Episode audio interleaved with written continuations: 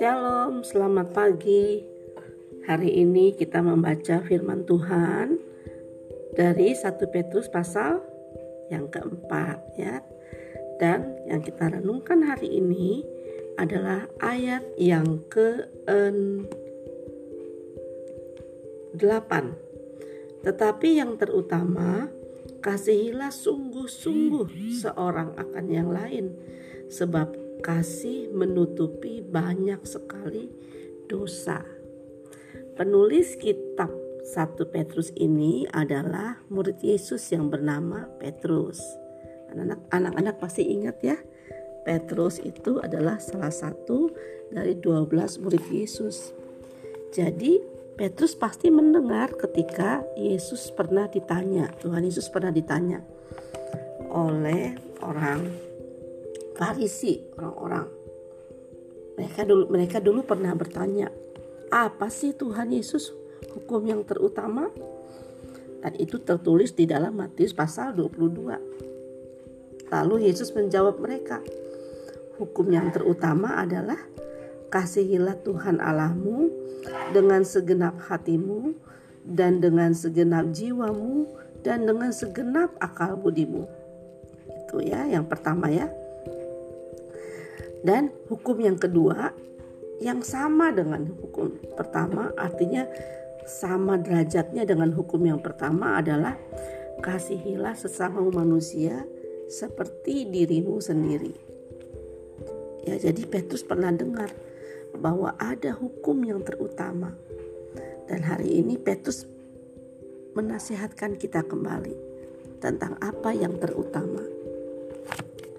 Dia katakan bahwa yang terutama ialah kasihilah sungguh-sungguh seorang akan yang lain. Kasihilah sungguh-sungguh. Jadi bukan kasih yang biasa-biasa.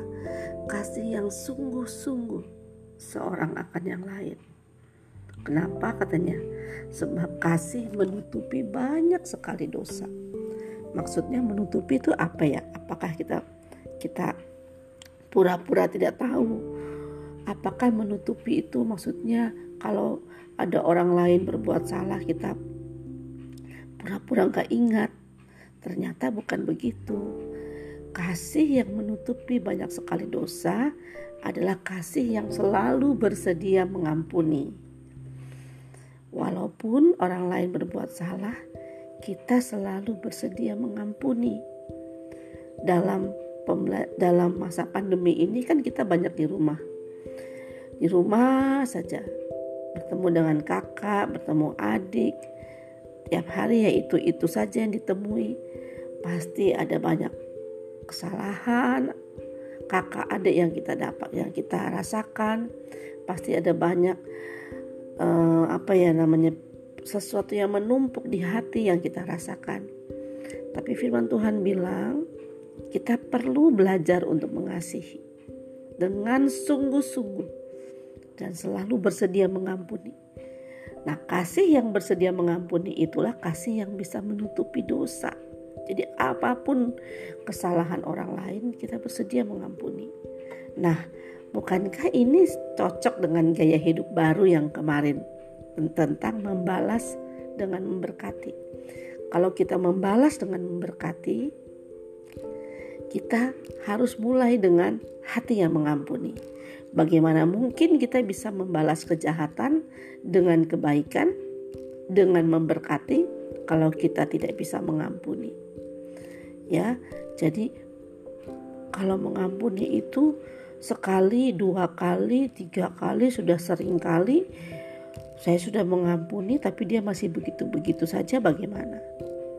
Ternyata mengampuni itu bukan hitungan seperti matematika. Berapa kali berapa kali berapa kali. Bukan. Mengampuni itu kita berikan karena kita sudah duluan diampuni oleh Tuhan. Kalau kita tidak diampuni bagaimana kita bisa mengampuni orang lain Tuhan juga mengampuni kita berkali-kali bukan satu kali dua kali tiga kali dia ampuni kita kenapa karena dia juga selalu bersedia mengampuni selalu bersedia mengampuni. Pengampunan dan kebaikan Dia itulah yang membuat Tuhan selalu menerima kita sebagaimana kita ada. Anak-anak, sepanjang hari ini mari kita punya sebuah keputusan. Saya mau mengasihi dengan sungguh-sungguh seorang akan yang lain dimulai dari dalam rumah dan selalu bersedia mengampuni karena pengampunan itulah yang menutupi banyak sekali dosa. Tuhan Yesus memberkati.